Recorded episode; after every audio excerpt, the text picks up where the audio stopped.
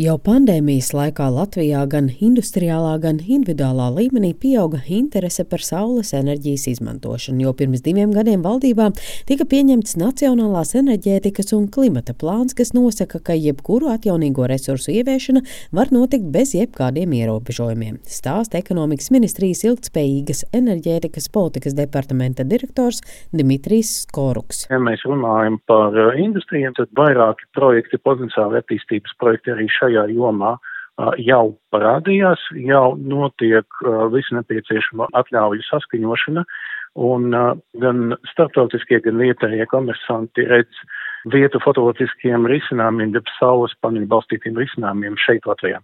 Uz jautājumu, cik daudz industriālo projektu pat laban ir attīstības stadijā, Dimitrijs Skoruks pauž šādi. Ekonomikas ministrija nav pozīcijā, lai sauktu konkrētu skaitļus, jo šī ir komercinformācija bet pakopotā veidā var konstatēt, ka esošās investīciju plūsmas vairāk koncentrējas uz priekšizpēti, uz uh, nepieciešamo procedūru, tā skaitā ietekmes uz vidas novērtējumu procedūru nosekšanu, un būvniecības posmi ir sagaidām nākamo divu gadu laikā. Sākot ar 25. un 26. gadu, tieši industriālais segments varētu rādīt būtisku izrāvienu un izaugsmu. Skoruks iezīmē tendenci, ka starptautiskie investori sadarbojas ar vietējiem. Tiek veidotas partnerības, iegādātas nepieciešamās jaudas Latvijā.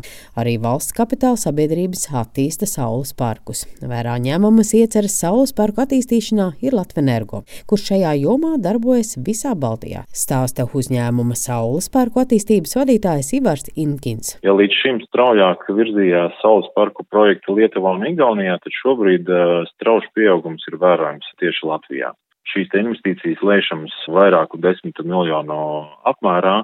Tad ilgtermiņa mērķis ir uh, 600 megawati saules parku Baltijā. No tiem uh, tuvākajā gada laikā, nu, tādā attīstības stadijā, ja projektēšanas stadijā, ir uh, aptuveni 50 megavatu uh, saules parki Latvijā tieši. 2024. gadā šīs ambīcijas ir ievērojami kāpināt šos saules parku uzstādītās jaudas arī Latvijā. Runājot par konkurenci, Ivars Inkins pauž, ka cīņa par brīvajām jaudām notiek un konkurence attīstītāju vidū ir jūtama. Mēs izjūtam ārvalstu investīcijas šeit Latvijā tieši saules parku tirgu konkurence par brīvajām jaudām ar pieslēgumiem, attiecīgi sadalījuma tīkliem un augstsprieguma tīkliem ir nenoliedzama. Neatkarīgi no tā, kāds ir šis attīstītājs privāts vai valsts kapitāla sabiedrība, šie konkurences apstākļi ir absolūti vienādi. Mēs esam vienādā pozīcijā ar jebkuru privātu attīstītāju. Pretējās domās ir Igaunijas atjaunīgās enerģijas ražotāja Sija Evekon valdes priekšādātais Gatis Lazde, sakot, ka spēles noteikumi tomēr nav visiem vienādi un uzlabojumi būtu veicami. Pašvaldības katrs redz šo projektu savādāk. Vienā pašvaldībā šeit ir vajadzīga šī zemes transformācija, otrā nē. Vienā pašvaldībā mēs redzam, ka var tikt ievērot šie atvieglotie noteikumi uz solāro parku būvniecību, un savukārt citai šķiet, ka šī, šeit ir vajadzīgs viss būvatļaujas eh, kā būvēji.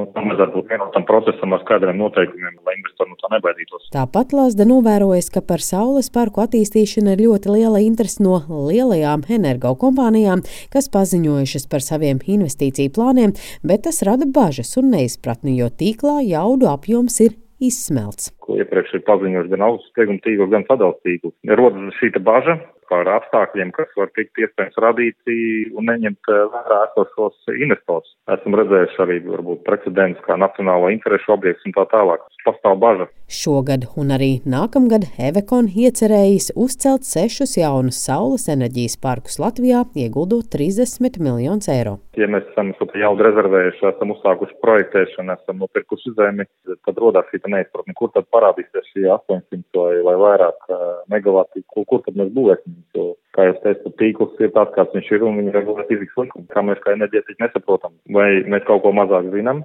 vai kaut kas eh, notiks savādāk. Arī enerģētikas eksperts Juris Ozoliņš pandēmijas laikā saņēma atļauju komerciāla saules parka attīstīšanai. Viņš novērojis, ka pirms diviem gadiem interese par saules parku attīstīšanu bija mērena, bet līdz ar Krievijas sākto karu Ukrainā investoru vēlmi attīstīt saules parkus var dēvēt par sprādzienu veidu. Bez šaubām, pieaugot eh, interesei un pieprasījumam pēc iekārtām un eh, darbiem, skaidrs, ka pieaug būvdarbu un iekārtu cenas, bet iet jau paralēlais process. Industrija, kas ražo iekārtas, ir jau pārslēgusies, jo skaidri zināms, gāze vairs nebūs nākotnē elektrības un siltuma ražošanā.